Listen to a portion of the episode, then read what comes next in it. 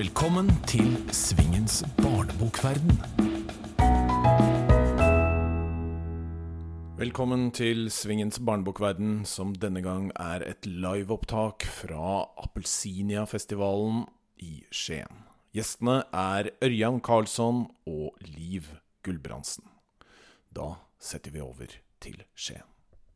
Velkommen, Ørjan. Takk skal du ha. Du, barne- og ungdomsbokforfattere, de kommer i forskjellige typer, fasonger, yrker og bakgrunn. Men veldig få av dem har bakgrunn fra Hæren. Det er nok mulig, ja. Men det har altså du. Ja, jeg har det. Jeg har, eh, jeg har vært i Forsvaret i en syv-åtte år før jeg gikk ut av det. Men ja, jeg har vært der, vært på utenlandstjeneste og, og sånne ting. da. Og hvordan, hvilken betydning har dette for ditt forfatterskap?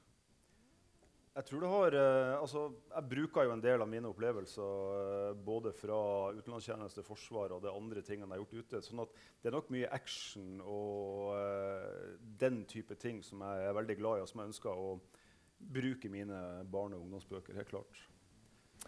Men er det sånn at du faktisk jobber med dette fortsatt? Ja, jeg jobber i noe så uh, vanskelig som Direktoratet for samfunnssikkerhet og beredskap, så ja, jeg gjør jo det. Ja. Uh, ja, ja, jeg må si det.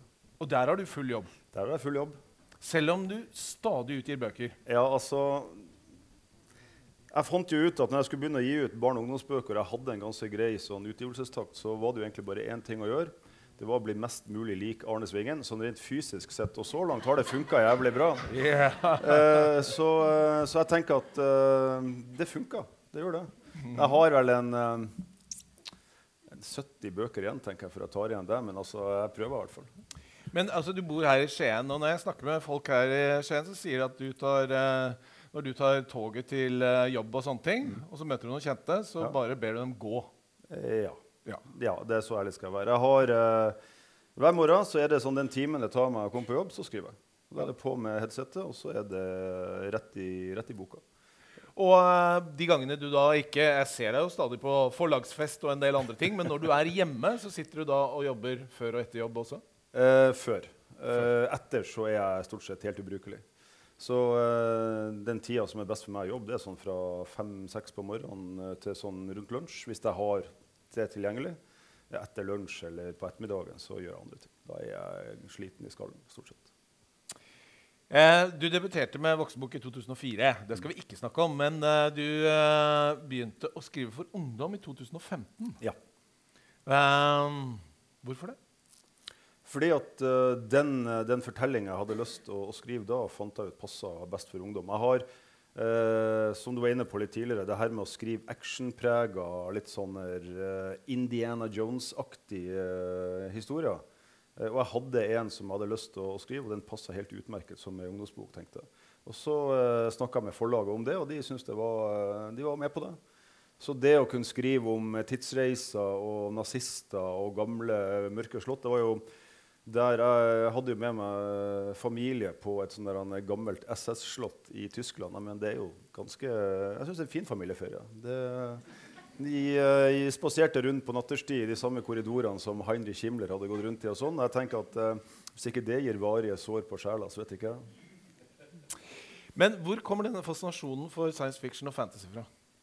Det begynte veldig tidlig. Eh, jeg og en eh, kamerat var veldig opptatt av bøker. Det begynte med Bing og Bringsvær sine, og særlig Jon Bing sin med romskipet Alexandria, Benji. For den boka har du også skrevet. Den har jeg faktisk skrevet. Ja. Jeg, jeg har faktisk skrevet boka om Benny. Uh, jeg har til og med På min, på min nettside har jeg en offisiell unnskyldning til da salige Jon Bing om at jeg rippa den fullstendig av. For vi uh, hadde en genial idé. Uh, vi var begge veldig opptatt av Jon Bing og fant ut vi skulle skrive bok sammen. Da var vi vel 11 eller 12. Og eh, vi valgte da å skrive om en helt tilfeldig fyr som heter Benji, som var på et eh, romskip som heter Alexandria, som også ved en kuri var et bibliotek. Eh, og så hadde vi jo bare én sånn der, uh, cliffhanger-metodikk. da, og Det var at eh, han ble slått i hodet, og så ble alt mørkt.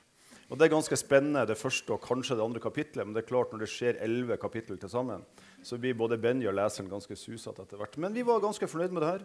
Og vi eh, gjorde den ferdig. Jeg tror den var på en 60-70 sider, kanskje. Som er ganske greit når du Og da var du 11 år. Da var jeg 11 år. Og så tenkte vi hvem er det som lager bøker? Og det, er jo, det visste vi jo veldig godt. Bodø Boktrykkeri lager bøker. Så vi sendte den dit. Uh, og jeg fikk faktisk et hyggelig brev tilbake fra disponenten. En litt sånn nedlatende sak med at ja, uh, uh, boktrykkerier har også lommepenger de må forvalte fornuftig, så vi kunne ikke gi den ut. Men han sa at dette er bra gutta stå på. Og bare det at en voksen person tar seg den tida å svar, signerer det og sender øh, det bet- altså, I ettertid har jeg tenkt at det betydde mye mer for meg enn jeg kanskje innså da.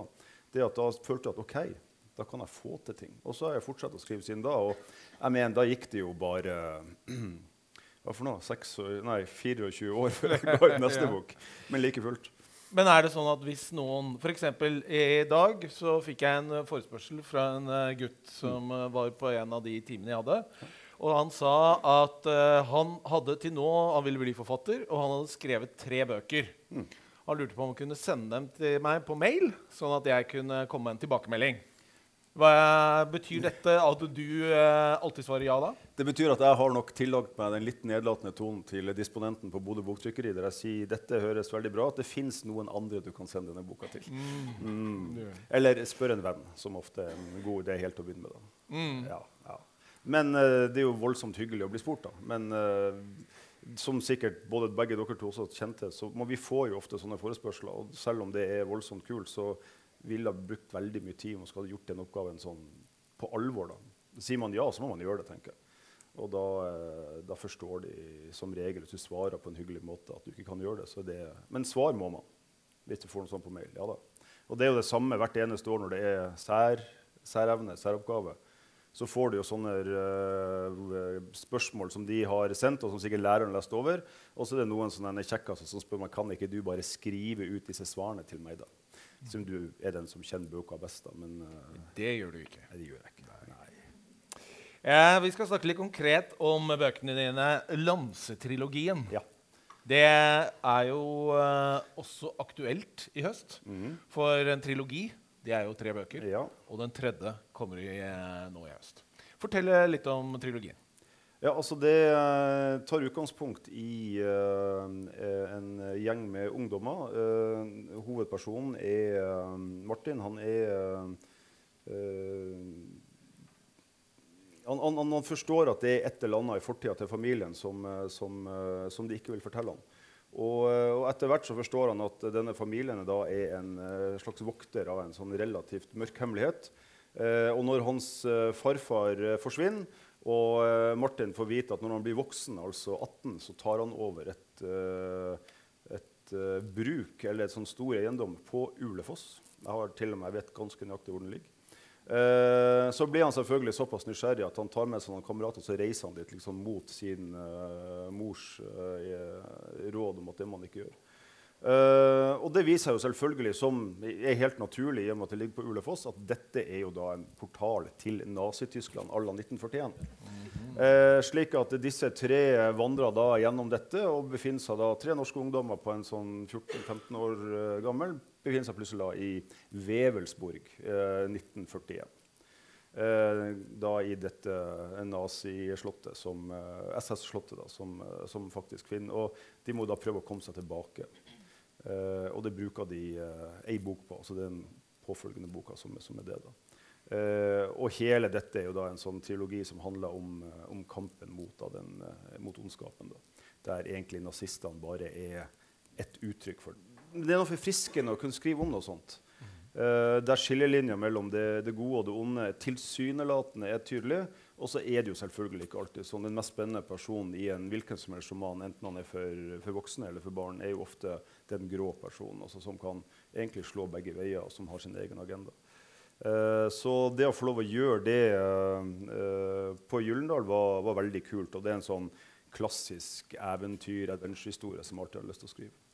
Men før du hadde fullført denne trilogien, så satte du i gang en ny serie. Ja. Bifrost. ja. Var du litt lei, eller, hva, hva, liksom, eller Nei, trengte du en pause? Eller, Jeg, jeg, jeg trengte nok en liten pause, for at eh, jeg er det du kaller en intuitiv forfatter. Altså Noen forfattere de plotter jo hele boka si. De har massevis av gule lapper. Altså kapittel 1, 2, 3, 4, 5, og så skriver de. Mens jeg har en sånn idé om at den begynner der, og så slutter han kanskje sånn, og så skjer det en greie i midten, og så prøver jeg å skrive meg gjennom. Og når det lykkes, så tror jeg det blir spennende for leseren. For da er det, selv om det ikke er tilfeldig, så virker det litt sånn øh, jeg vet ikke, litt sånn skikkelig dusteord organisk. ikke sant? Altså det, det, virker ikke så superplotta. Det som er problemet med det, er at du på et eller annet tidspunkt så kan det hende at du skriver deg opp i et hjørne. Og det er ekstra kjipt å erkjenne at du har skrevet deg opp i et hjørne når du har gitt ut den boka som du helst kanskje kunne tenkt deg å forandre et par sider på. sånn helt på slutten.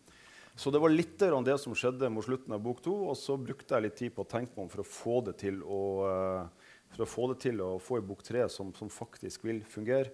Så det ikke blir en sånn, litt sånn flau uh, nødmanøver på et eller annet tidspunkt. Uh, og da I mellomtida skrev jeg Bifrost-serien, som var min mulighet til å skrive fantasy. Som egentlig var min første store litterære kjærlighet. Så du er litt som meg, altså, Hvis det da er liksom noe som må ligge litt, ja. så vil du likevel utnytte den tida som er imellom? Ja, ja for mm. du, du, driver jo hele tida og, og, tenker på det, men jeg har sjelden ikke et prosjekt jeg holder på med. Så da må jeg skrive. Og den Bifrost-ideen hadde jeg gått med lenge. Og selv om, for, selv om eh, forlaget var litt flakkende i blikket og sa du må jo gjøre ferdig, så fikk jeg lov til å gjøre det. Og da skrev jeg fantasy, og det var kult. Mm. Og det var jo også for eh, det som da på eh, bokhandlene kaller for mellomtrinnet. Så jeg måtte ned et hakk. Mm. Men du sier du er en ganske intuitiv forfatter. På hvilket punkt i skrivinga vet du at du er i ferd med å lykkes da? Ca. 30% ut. Såpass tidlig? Ja. ja. Uh, men jeg føler jo at det å skrive er liksom som å gå inn i en sånn trakt. Så blir den trangere og trangere. Og trangere, og forhåpentligvis er det en utgang der en eller annen plass. Eller så tetter han seg helt, og så har du skrevet deg bort. Og så må du ta og trekke deg tilbake. Men altså, det blir jo sånn at jo oftere du gjør dette, jo bedre blir du til å gjøre det. Så, eh, så eh, Men, men jeg, har, jeg har, prøvd å plotte. Jeg har jo fulgt, jeg har kjøpt meg disse The Heroes Journey og alle de her, og tenkt at hvis jeg bare gjør det sånn, så sparer jeg sikkert masse tid og masse energi. Men det som skjer med en gang jeg har skrevet ned et plott på ark, og liksom finner at sånn skal det bli, så er det som en del av meg bare stritter imot. Jeg vil ikke, altså du, du, du finner andre veier, og du ønsker å leke med det, og så er du plutselig på vi-veier allikevel. Altså. Mm. Så, eh, så, da tenker jeg at da får jeg heller bare følge den metoden min og være litt frustrert av og til. Du har drevet en del med rollespill, veit jeg. Mm. Uh, og du driver også litt med rollespill når du uh, har elever her ja. i, under festivalen Appelsinia i Skien. Stemmer. Uh, har det noen innflytelse på skrivinga di? Jeg tror det For det er jo å lage historier, ja. det òg. Jeg tror rollespillerfaringa mi er kanskje den viktigste skriveerfaringa jeg hadde med meg inn i det å skrive bøker. Uh, vi var en gjeng som uh, bruker en sånn populærkulturell uh, referanse. Hvis du har sett Stranger Things, så sitter jo rundt disse og spiller disse gutta. Sånn holdt på vi faktisk til vi var 16-17. Vi begynte når vi var 10-11 og spilte det som heter Middle Roleplaying, som var et sånn spilleopplegg for Ringenes herre og hele den verden der. Og til å begynne med, så Vi hadde disse reglene, og alt sånn, og så kjøpte vi sånne moduler som da er et eventyr eller et oppdrag du skal løse. Og jeg likte å være spilleder, for det er liksom jeg har kontroll på historien. Men etter hvert som du gjorde dette, her, så fant jeg ut at det var mye bedre å lage sine egne uh, eventyr i denne verden.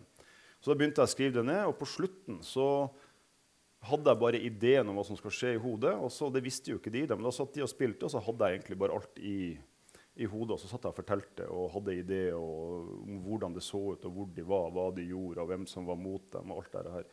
Så du fikk en, sånn der, en veldig sånn intuitiv greie. Hvis det skjedde noe uventa, så kunne du liksom bare tilpasse deg.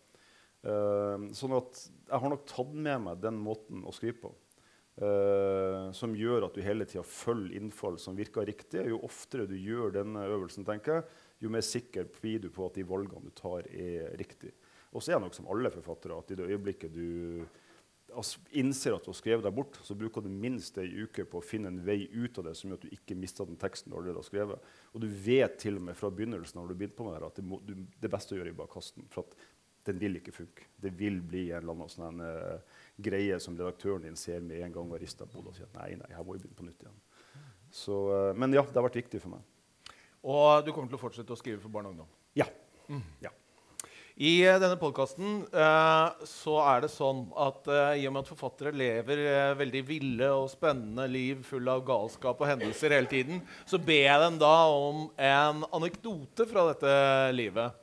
Og Ørjan, eh, jeg er veldig spent på hva du har å fortelle oss. Folkeren, den anekdote jeg hadde, var jo med meg og Levi Henriksen. eh, Men det var jo en voksenbokgreie, så jeg må ta en snill en istedenfor. Det er en anekdote om den gangen jeg innså at min far eh, og jeg ikke var eh, av lik støping når det gjaldt litteratur. Dette skjedde når vi var tolv. Min mor og min far ble skilt uh, når jeg var syv. Og dette var sånn klassisk uh, hver 14. dag, pappa. Og så hadde vi ei uke på sommeren. Og da var det viktig for min far at vi skulle gjøre uh, gutteting. Og gutteting på den tida det var å kjøpe fiskeutstyr eller oppgradere fiskeutstyret sitt. Og så var det å dra til ei hytte. Og så var det ei uke med, med fisking og gå i skogen. Jeg syntes dette var kjempekult. Men på den tida så hadde jeg akkurat lest 'Hobbiten'. Uh, og så uh, dro vi av gårde. Jeg syntes det var en fantastisk bok og hadde lyst til å liksom, uh, lese videre. Og så dro vi av gårde, og så kom vi til en sånn klassisk nordnorsk landhandel der de har, ja, de har fisk, elektro, øl, bøker. Altså de har liksom alt. Og min far sier ok, nå går vi inn her og handler, vi skal kjøpe oss nye kroker. Og alle sånne ting, og så gir han meg 200 kroner inn i butikken. Så runder jeg liksom bare hjørnet på vei mot der fiskeutstyret står. Der er det ei lita, smal bokhylle. Og der står jaggu meg sånn en eh, samleutgave av 'Ringenes herre' fra bind 1 til 2 til 3. Altså sånn, I en sånn eske. Jævla fin. Jeg tror det var tiden som ga den ut. 199 kroner. Der står sånn. Hva faen gjør du da? Du kjøper jo bøker, selvfølgelig. Og det, det ansiktsuttrykket til faren min når han sto i kassa, og jeg kommer med sånn 'Jeg skal ha disse'. Ja, det var ubetalelig. Uh, og uh, det, det fortalte for at jeg hadde, hadde, egentlig aldri reflektert over det her med at andre ikke leste, for det ga meg så mye at jeg tenkte at alle gjorde det. Men min far var ikke spesielt interessert i å lese bøker. Nå skal det sies til hans forsvar at han har lest mine da etter hvert, så det har vært det er kult. Men, uh, men, men, da forsto jeg at jeg og min far i hvert fall på det punktet var veldig forskjellige. men det skal han ha. Så etter at han hadde kommet med et eller annet sånn mumling uh, om at uh, vi skulle jo på litt sånn vi skulle jo på fisketur. Mm. Uh, så, så, fant han seg i det. Og jeg fikk jo i pose og sekk, for han kjøpte meg jo litt utstyr også. Da, så tenkte sånn, for skams skyld, kan ikke, kan ikke stå her på en sånn maskulin landhandel og så kommer gutten min og kjøper en bok. ikke sant? Han må ha, han må ha en ny tollekniv og noe angler og noe greier. ikke sant? Så det løste seg egentlig til det beste for alle. tenker jeg. Så bra. Um jeg tenker at dette er et godt øyeblikk å få inn uh, Liv Gulbrandsen i samtalen. Takk for det. det. Gikk det bra å være stille? Du er jo, du er jo ja, flink. Det har vært en prøvelse. Ja, det. Ja, dette syns jeg er veldig tøft. Ja. Men nå, nå er du med. Ja. Jeg tenkte at eh, med dere begge så skulle jeg snakke litt først om det å formidle bøker. Og formidle litteratur. Nå er det jo sånn at vi er på en av eh, litteraturfestivalene i Norge. En av de aller beste. For dette er jo en som kun handler om barne- og ungdomslitteratur. Mm. Og her er det da mange forfattere som eh, reiser hit, og så kommer de og formidler bøkene sine. Men det er jo selvfølgelig ikke gitt at en forfatter, skal, selv om vedkommende er god til å skrive, skal eh, kunne formidle det de har skrevet. Men mitt inntrykk er at her sitter jeg med to stykker som kan det. Hva vil deres beste tips være til å fange et publikum? Um, det jeg tenker liksom, Enten hvis jeg skulle formidle mine egne bøker Men nå formidler jo jeg egentlig aller mest andres, og har gjort det lenge. Det er at jeg, jeg prøver virkelig å uh, Jeg prøver å skjønne boka godt. Og så prøver jeg å tenke hvilken stemning gir den boka meg. Og så må jeg egentlig iscenesette meg sjøl. Sånn at det er sånn, jeg klarer ikke å jukse det. Så jeg må, jeg, jeg, jeg må tenke på ordentlig at nå eh, på en måte Sånn som hvis du jobber på et, en restaurant, da, og så har du folk som eh, sitter klare ved bordet sitt og er sultne, så tenker jeg nå skal du få noe godt. liksom. Nå skal du, og Ofte så tenker jeg også når det gjelder barn, faktisk, nå skal du faen meg få noe godt. ikke sant? Og det er ikke engang sikkert at du veit at dette er godt. Men det skal du faen meg få! Og så, så jeg må liksom jazze meg opp eh, ganske mye på det. Og så prøver jeg på ordentlig å skjønne i boka hvor ligger drama, Hva skal jeg holde tilbake? Og ofte så syns jeg at mye av det med å formidle ligner litt på det å skrive eller komponere en historie. Og jeg tenker ok, her har jeg liksom et råmateriale.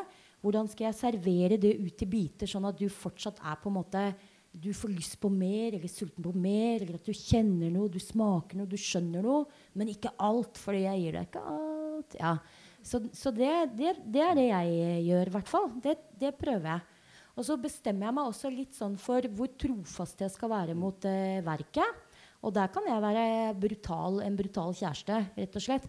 Og det er uh, fordi at jeg tenker at um, jeg, jeg, kan godt finne på å herje med teksten eller uh, gjøre om på dialekter eller hvis jeg ikke syns det passer i munnen min. Så jeg, jeg, jeg tar liksom styringa i det. Og det hender jo at forfattere hører på og de syns det er kult, og så hender det de syns det kan være vanskelig. Mm. Ja, jeg har når det gjelder barne- og ungdomsbøkene mine, så har jeg vært litt opptatt av, som jeg, tror, eller som jeg vet du er, altså å få gutter på banen. Og, eh, og, noen ganger så har jeg, har jeg tenkt at uh, det å stå og, og, lese, og så har vi en, en, en, samtale etterpå om hva er tematikken her og sånn jeg, jeg, får ikke det helt til å funke. Så det jeg valgte å gjøre da, var å lage noe som kalles litterær gaming. sånn at i hvert fall På disse Bifrost-bøkene så har jeg i slutten av hver bok så har jeg skrevet en novelle og så har jeg gjort den om til et spill. Som et sånn multiple choice-spill som var ganske sånn vanlig. Det kom jo bøker på det før. Så det jeg gjør at jeg leser en sekvens, og de kommer inn i universet. Og så sier jeg ok, nå skal du få være hovedpersonen. Nå skal dere sammen i klassen ta valgene. Og så kaster vi terning, og så er det sånne battles mot hverandre. Og så ser vi hvor langt de kommer, og så fører vi litt statistikk. Og sånn, og de er helt på. Og det som, er, det som, er, så morsomt, er jo at veldig mange av dem etterpå kan eh, enten så låne de bok på biblioteket, eller så har jeg lagt ut dette eventyrspillet. Uh, det har jeg lagt ut uh, på nett, så du kan laste ned gratis. Og det er rundt 5000-6000 ord langt, som er ei sånn middels lang novelle. tenker jeg. Og da har egentlig gutta, hvis det er liksom dem de ønsker å nå frem til, da har de ved å spille gjennom den egentlig lest ei, ei novelle. Eh, bare at den er litt strukturert litt annerledes. Så det, jeg tror at Mitt budskap her er at noen ganger og det er langt på vei sånn som Liv så, altså noen ganger må du ikke helt låse deg i hva som faktisk er foran deg, men finne en måte å formidle det på som gjør at det publikummet du har, og i dette tilfellet da barn på barneskoler eh, syns dette er litt kult og gjør at de kan engasjere seg direkte. Da. Så er det én ting til jeg gjerne vil ha deres eh, tanker omkring. Fordi eh, Da jeg gikk på skolen, og kanskje da dere gikk på skolen, så hadde vi jo ingen forfatterbesøk. Hadde dere det? Ikke som jeg kan huske? Nei, vi hadde bare Nei. besøk av narkomane som hadde levd veldig kule liv. Ja. som de skulle ja. si til oss at vi ikke skulle. Som jo, vi hadde ikke det engang. Men nå, nå, er det jo sånn at eh, elevene får ganske mye besøk. Mm. De får masse kulturbesøk, men også en del forfattere. Det hender ofte det kommer til en klasse, og så sier de at her var jo Bjørn Ingvaldsen i forrige måned. Og, og da føler du at ja, ja, da får jeg prøve å overgå ham. Ja, det, men uh, Eh, vi har jo da mange muligheter til å reise rundt. Mm. Samtidig så ser vi at lesingen går litt ned. Den går i hvert fall ikke opp. Eh, nå får de masse forfatterbesøk. Før fikk vi ikke det og leste mer. Mm. Hvor stor effekt tenker dere at det faktisk har at vi er der og snakker om bøkene våre eller bøker generelt? Mm. Å, jeg mener så mye om det. Men det aller første jeg mener at det, eh, Og det høres jo litt rart ut, fordi jeg har jo eh, i sju år leda en organisasjon som jobber mye med lesing. Og er opptatt av leseferdighetene til den norske befolkninga til barn og unge. og sånn. Men jeg tenker at akkurat det driter jeg i, rett og slett. Og det er fordi at når vi formidler bøker Jeg tenker at det er så mange Jeg møtte senest i dag ikke sant? et barn som sier jeg liker bøker, men jeg liker ikke å skrive rapport. Eller at du møter barn som har møtt litteratur, eller det å skape bøker i norskfaget, men egentlig mest som en grammatikalsk øvelse. Mm. Og jeg tenker at det vi bjuder på, er jo diktning. ikke sant? Det er skaping. Det er at du kan gå inn i en historie, være sjef sjøl, og så lager du noe. Og så veit jo alle vi at vi kan skrive så mye feil vi vil, egentlig, for det fins folk som eh, språkvasker i forlag. Så det er ikke grammatikk vi driver med, først og fremst. Vi dikter. Og det er det vi bidrar med. Og så tenker jeg at det i seg sjøl Vi kommer med bøkene, og innimellom så klarer vi å vekke gustløsning. Og de, jeg tenker at Vi skal bare tenke at de barna er perfekte sånn de er. Og så kommer vi med boka, og hvis de først tenner på den, så gjør boka noe med dem. Fordi det er ikke nok timer hvis man først er opptatt av lesing til at de får lest nok i, i skoletida. Så de må på en måte, de må like det så mye at de finner den boka, at de går på biblioteket, låner bøkene deres, låner Superbitchene ikke sant? og koser seg. Låner boka til Bjørn, har det vanskelig og fint. ikke sant? Det er jo det de skal gjøre. Og så, og så lærer de å lese. Men det er ikke vårt mål. Jeg tenker at Vi skal jo ikke skrive bøker for at folk skal lære å lese. Men det er en enorm fin effekt av det. Men vi skriver jo bøker for at de skal underholdes og kose seg av det bra. Det er litt det samme som det er ingen som bygger opera for at folk ikke skal bli alkiser. Ikke sant? Du bygger opera fordi opera er kult. Det er fint med opera. For å gå på opera har det mektig. Det er topp. Og det, og det er det jeg tenker at vi gjør da. Så effekten i forhold til lesing, den er der. Den fins. Det kommer ikke utenom. Men aller mest så tenker jeg at det, at det, det, du ser det slår ut på noe av det å være en leser, da, så er det jo det slår ut på livskvalitet. Folk, folk, folk blir gladere, de har det interessant, de blir klokere. De, de, liker livet sitt bedre hvis de er så heldige at de trekker det loddet, at de skjønner at, at det, det, bøker er noe for dem. Jeg har litt uh, ugjenstridig mikrofon her. Men, uh, så, så, det tenker jeg. jeg tenker det er ikke det at ikke vi ikke er opptatt av lesing, men det er ikke det som er målet vårt. Det bør aldri være målet vårt, tenker jeg. Nei, altså, jeg kan ikke gjøre noe annet enn å si at jeg er helt enig i alt det som Liv sier. Og det som jeg har sett også, er at Eh, noen få plasser så, så, møter du også på en altså I og med at jeg reiser rundt, jeg har urban fantasy og fantasybøker. Og du har av og til en sånn idé om at dette er liksom ikke den litteraturen som er innafor.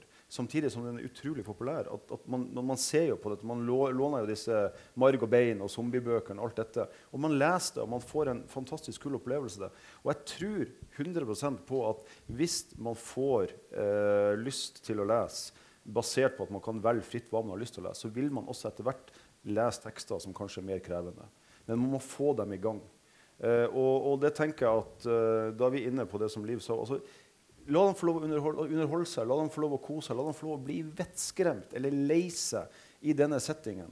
Eller superglad, hysterisk, fnis, det er pinlig, det er morsomt. Får vi til det, så går de og låner neste boka sjøl. Og så er det en god ting.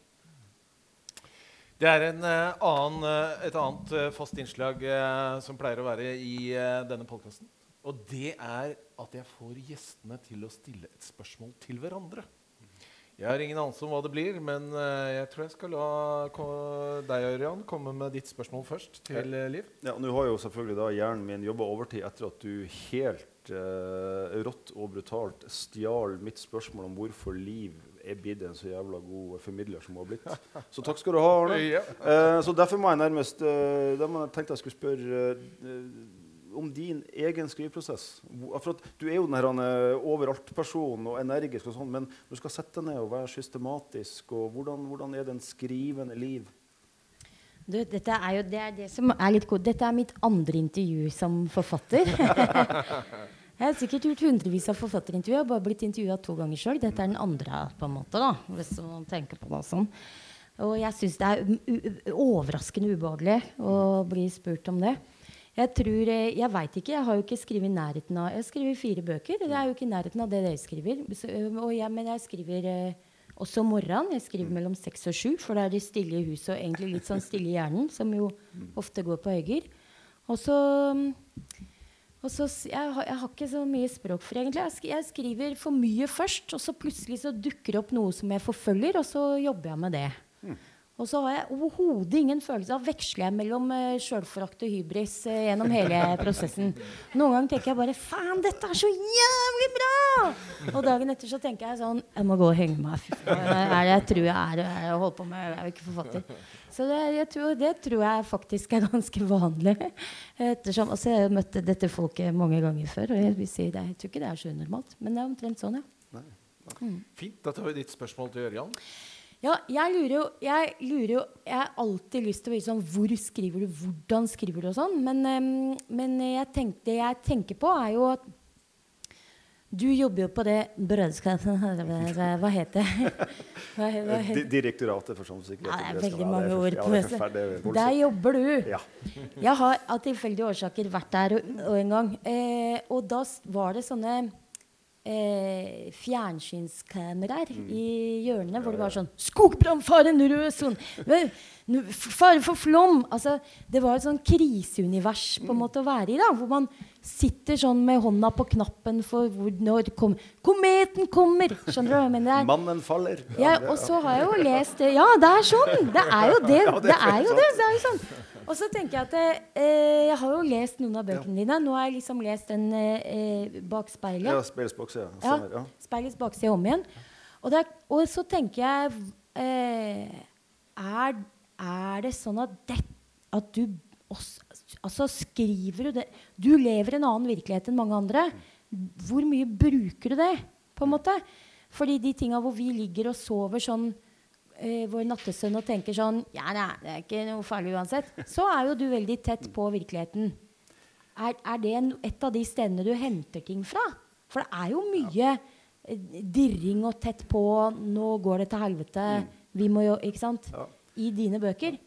Nei, altså jeg har jo eh, jeg har hatt en sånn hang til eh, den noir-greia. I hvert fall sånn undergangsaktige uh, stemninger. ikke sant? En litt sånn mørke, dystre.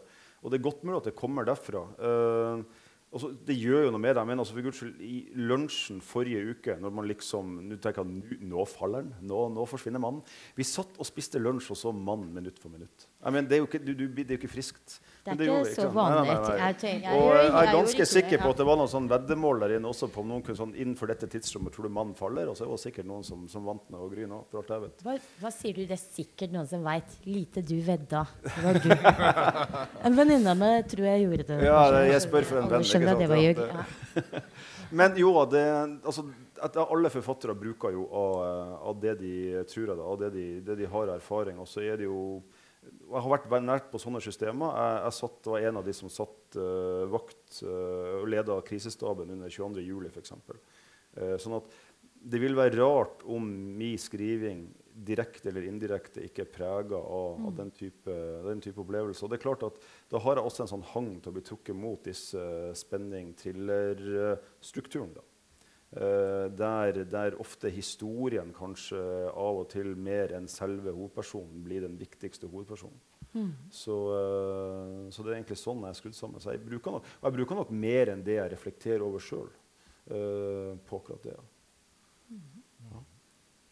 Fint. Da vet du hva, Rian, da skal du få lov å bare ta det litt med ro, drikke rødvinen din og slappe av litt. For nå skal vi kun snakke med og om deg, Liv.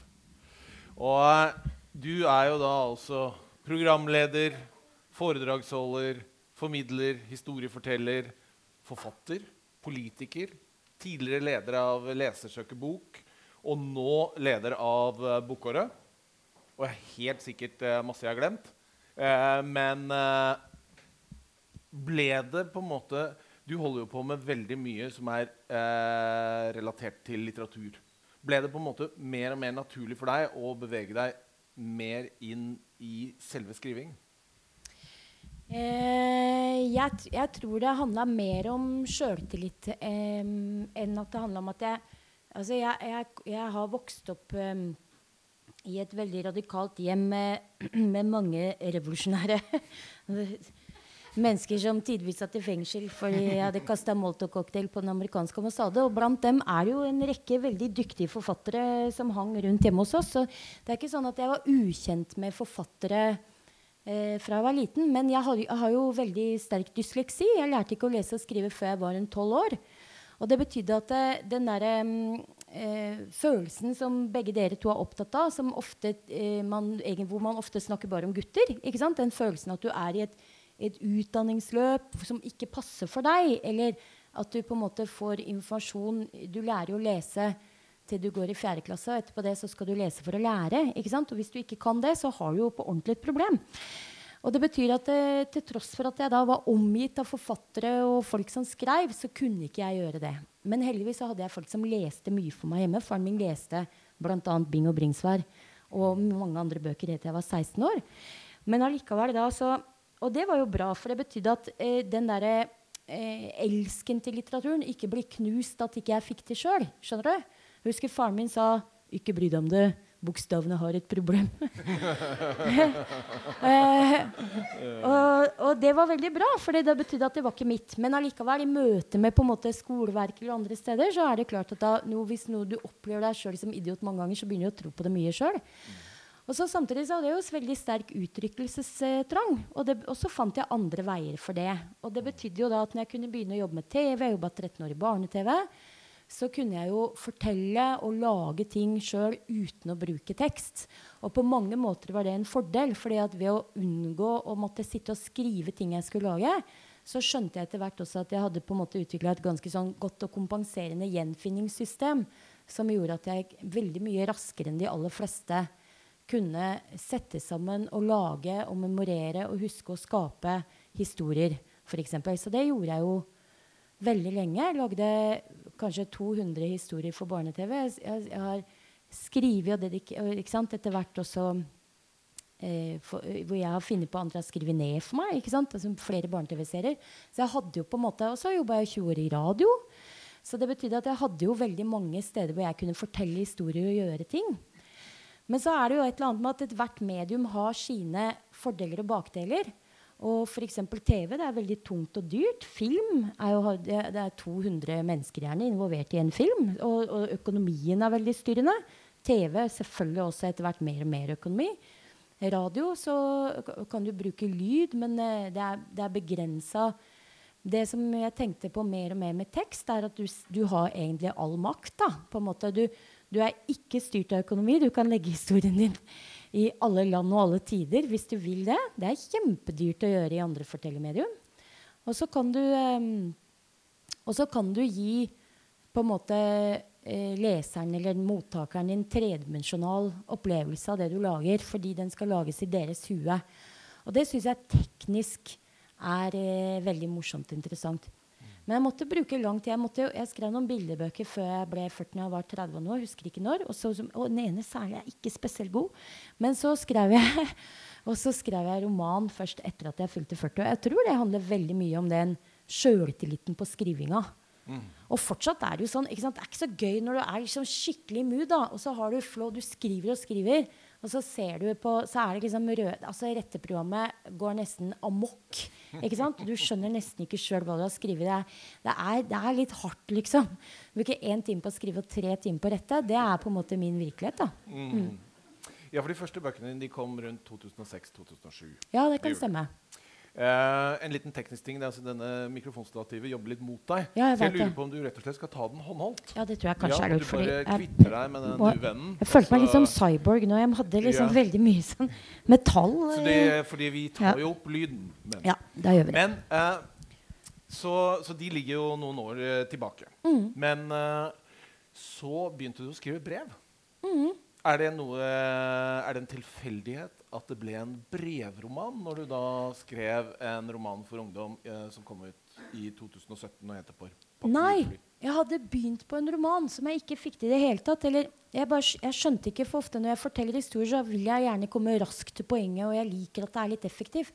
Men når jeg begynte å skrive, så drev jeg med sånn Dvel, jeg dvelte Det var som i med sånn Hun lot hånden gli over gelenderet. Alt var så langt Jeg skjønte ikke hvorfor jeg ikke fikk til det. Var, alt var som å gå i sirup. Eller sånn drøm når du drømmer at du må løpe, og du klarer ikke å løpe. Sånn var, var det jeg skrev. Og så skjedde det noe dramatisk, og dette er helt sant. Og det var at jeg skulle besøke bestemora mi. Vi skulle spise frokost sammen. Og så eh, kom jeg til huset hennes, og så var alle gardinene trekket for. Og det var rart, for jeg er liksom A-menneske morgenfugl. Og så lå hun da, når jeg kommer inn i huset, jeg har liksom nøkkel, låser meg inn, så ligger hun på gulvet i stua si og er, og er ganske kald, men hun lever, da. Men hun er helt klart, hun har falt, hun har, hun har slått seg. Så jeg ringer til ambulansen. Og så, og så synger jeg for henne Alf Prøysen, jeg tar på henne dyne. Du gjør de tinga jeg liksom tror man skal. Og så ser jeg at hun holder noe i armene sine. Og så sier jeg 'Skal jeg ta dette fra deg?' sier jeg. Og så, og så sier hun 'krokus'. Og så, og så, er det det siste hun sier. Hun dør etter det. Men Så det tar litt tid, for jeg må jo liksom ringe til familien og si fra hva som har skjedd. og sånn. Men eh, når jeg ser på hva hun har holdt i hendene sine, så er det brev som bestefaren min hadde skrevet til henne 70 år før. Og han har tydeligvis ikke syns at det var viktig nok til å spare på. De breva hun har sendt i retur. Men de som, som, som, han har sendt til henne, de har hun svart på. Og det eh, leste ikke alle, og det er rett og slett for jeg ble blyg. Altså Noen av dem hadde helt klart veldig seksuelt innhold. Men det handler rett og slett om at sant, han kommer da fra en sånn veldig fattig familie. Han er frelsesarmefyr. Hun kommer fra en større gård. Han har ingen arv, for det hadde de ikke i Frelsesarmeen. Vet ikke om de driver med fortsatt. Og så prøver han å overtale henne til at det er de to. Og da er han en så ung mann. Han er liksom 16-17 år. Og hele livet når jeg har kjent han, har han vært en gammel mann med grått hår. Men plutselig så reiser det seg da opp av de breva en sånn ung fyr ikke sant, som er desperat. og og nydelig. Og, og, men også sier sånn I dag har du dratt tilbake til Trøndelag, og hvert skritt jeg tar, så hører jeg navnet ditt. Marit har reist, Marit har reist. Og så kommer det sånn Jeg husker det gangen i porterommet Og så må ikke lese mer der. Så, men, men greia er at det er sånn ung fyr. ikke sant? Han beskriver hvordan jeg sitter og skriver mens jeg ser på bildet av deg. Det er der hvor du er mest alvorlig. Det er mitt kjæreste bilde. Altså, det er veldig romantisk og rørende. Og så tenkte jeg på det, det med brev. Det er utrolig intimt på en måte, når du skriver til en mottaker. Men også det at siden jeg ikke hadde hennes svar, så måtte jeg ofte gjette hva er det som har skjedd nå. ikke sant? Når han sier 'Jeg beklager det som skjedde'. Hva da som skjedde? ikke sant? Og så tenkte jeg sånn spennende fortellermedium. Så da begynte jeg å legge historia mi inn i brevs form. Ok, Hvis du har en person, hvorfor skriver du brev? Hva er det du vil uttrykke? Og, og da har det jo skjedd noe. Uh, hvis du skriver til noen som var med på det, hvordan høres det ut? Og plutselig så fikk det en form som jeg, hvor jeg slapp alt det der dvelende. da, Duggen som senker seg. Jeg så opp mot himmelen, skylaget sprakk opp. altså, altså sånn som jeg bare ah, jeg fikk utsletta. Så, så det, var, det, var, det, var, egentlig det som gjorde det. Og etter det så veit jeg jo ikke om jeg kan skrive noe annet enn brevroman. Jeg driver og jobber med noe nå, det, ja. og det er, jeg er helt håpløs. Altså, det funker ikke i det hele tatt. Det kan hende jeg burde inn i brevet igjen. Men vi snakket litt om formidling i stad. Mm. Og du har jo formidlet uh, andres bøker, og du har holdt på med uh, også å formidle lange bøker på kort tid. Uleselige verk, som jeg kaller det. Ja, ja Knausgård og Jo Nesbø og Fifty Shades of Grey og mm. sånne ting. Og da er det klart du har en, kanskje en liten ironisk distanse til noen av de bøkene. Men hvordan er det for deg å plutselig formidle noe som tross alt må ligge mye nærere for deg, da, din egen bok? Altså, jeg tenker at um, eh, jeg tenker at Hvis du først blir utsatt for liksom, mitt rasshølblikk, da har du gjort noe veldig stort. Fordi at uh, de bøkene som jeg uh, går gjennom når jeg gjenforteller, er jo bøker som har hatt helt enorm suksess. Og det har jo ikke jeg, jeg har jo ikke nærheten av den suksessen som forfatter. Og jeg tror, at hvis, jeg tror ikke min bok hadde tålt mitt eget blikk. Det tror jeg ikke den hadde gjort. Nei, nei, nei. nei, nei, nei. Den er altfor full av feil. Men jeg tenker at eh, hvis en bok er veldig mye lest og veldig mye omtalt, så tåler den ganske mye satire. Det tror jeg den gjør. Men eh, det å formidle min egen bok syns jeg er ganske ubehagelig. Det synes Jeg altså, jeg har blitt bedre på det jo lenger tid det har gått siden jeg har skrevet den.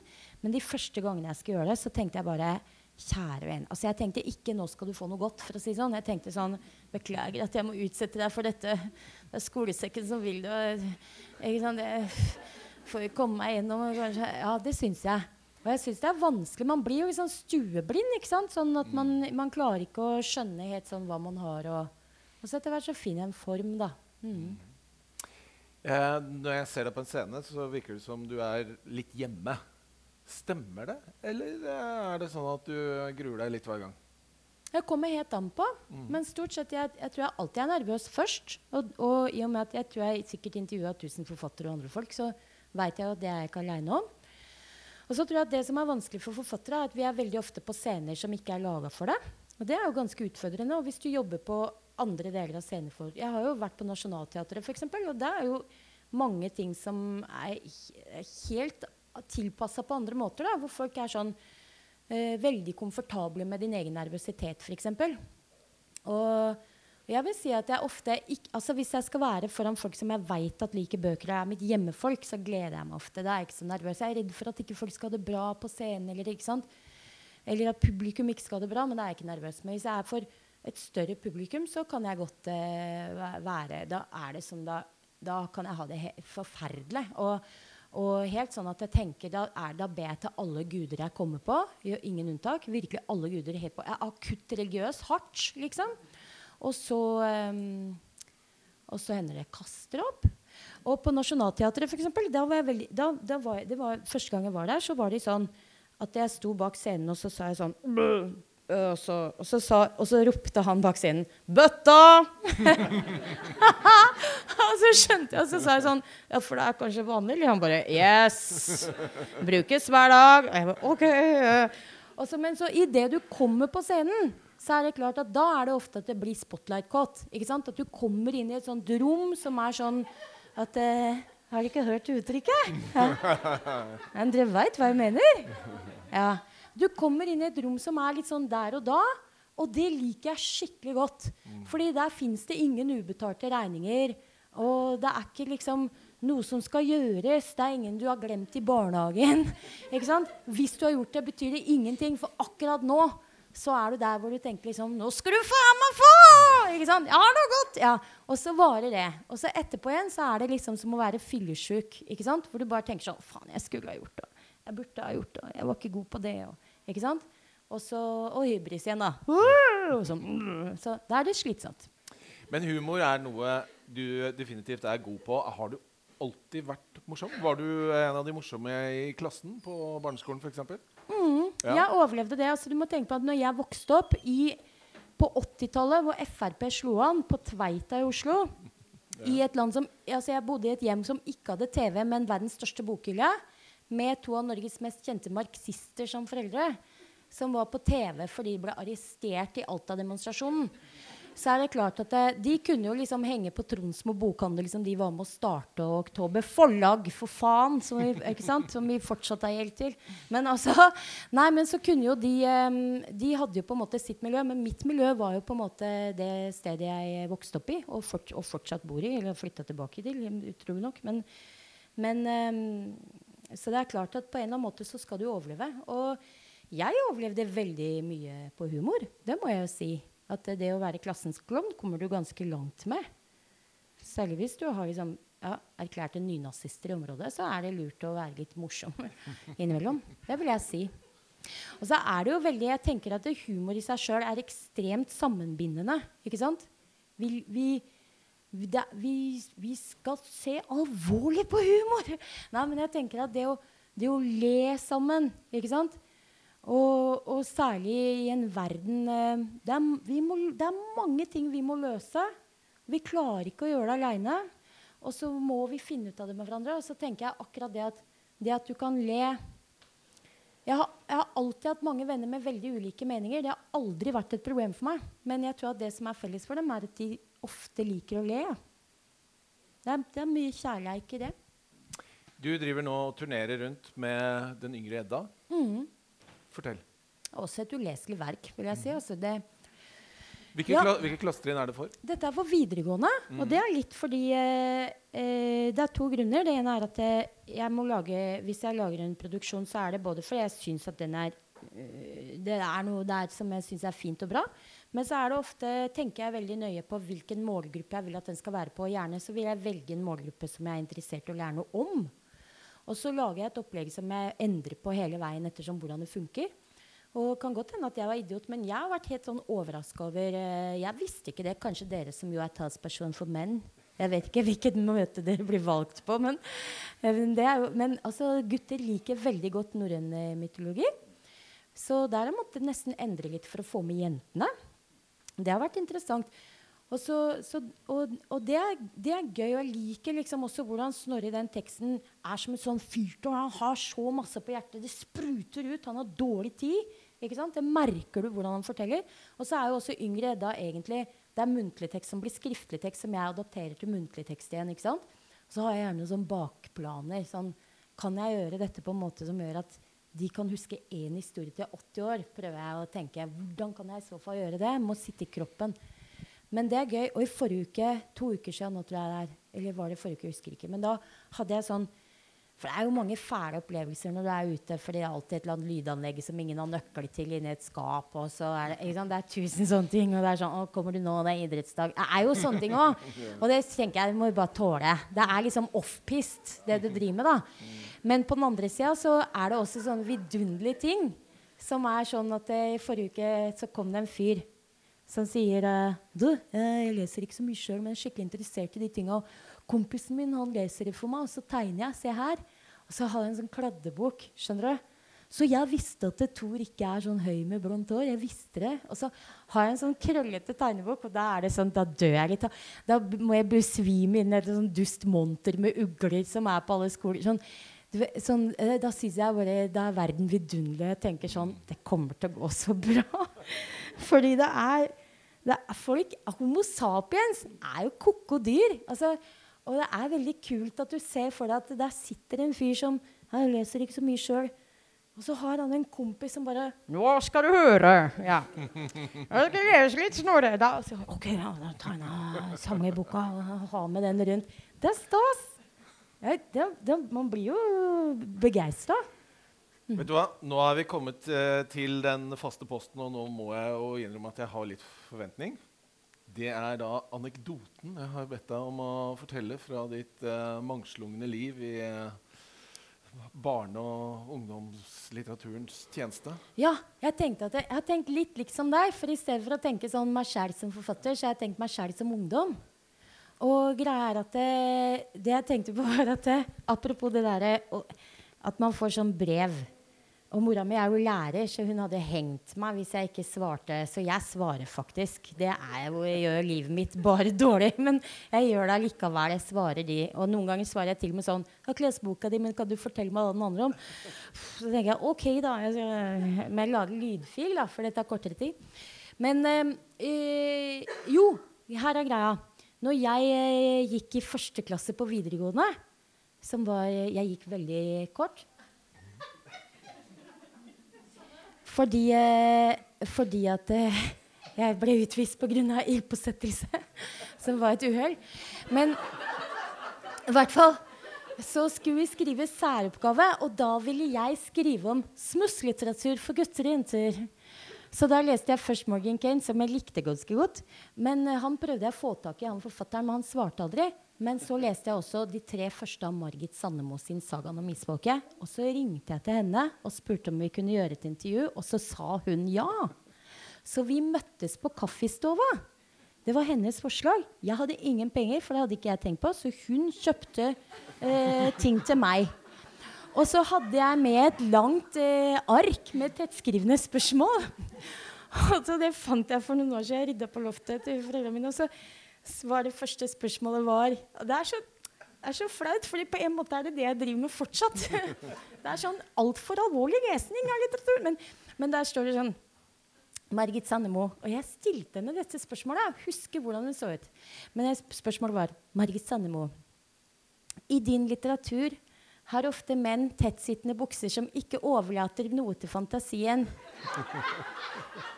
til tross for at historiene dine beveger seg gjennom ulike århundrer. Tenker du at moten ikke forandret seg gjennom ulike århundrer? Og så Og Det blir verre. Det neste spørsmålet Det neste spørsmålet var Margit Sandemo. I dine bøker blir mange voldtatt på tundraen. Tenker du at tundraen er et risikoområde for voldtekt?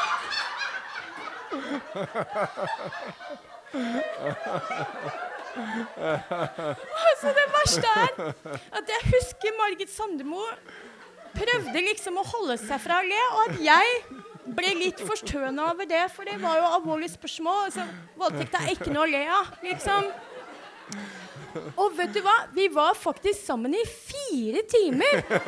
Altså, hva er det med den dama? Skjønner du? Hva, hun, altså, og det har jeg lurt så mye på. Jeg skulle ønske at jeg kunne spørre henne om det som voksen. Sånn, Hvorfor gadd du det, liksom? Jeg er sikker på at jeg drakk fem Solo. Jeg, jeg kan være med Solo. Ikke sant? Men at, at hun på en måte gadd å på en måte sitte med meg. Så jeg håper jo at det er fordi at hun syns at det var underholdende. At hun tenkte liksom Her sitter jeg med den kjøttpucken av en jentunge som bare og jeg, ka, Eller at hun tenkte liksom Hun er med bare holde litt her, hun kommer til å bli narkoman. Jeg veit ikke hva. Men det er liksom Men det er jo stas, da. Men så noen ganger når det kommer sånne gærninger bort og sier sånn, så tenker jeg bare jeg gjør det for Margit. Altså at hun, hun er liksom pay it forward, hvis du skjønner hva jeg mener. Altså Man veit jo aldri hvem Kanskje det er ditt framtidige selv da, som snakker med deg. Mm. På engelsk er det et uttrykk som heter 'leave on a high note'. Og det er det vi skal gjøre nå. Tusen takk til Appelsinia, tusen takk til Liv, tusen takk til Ørjan, og tusen takk til publikum.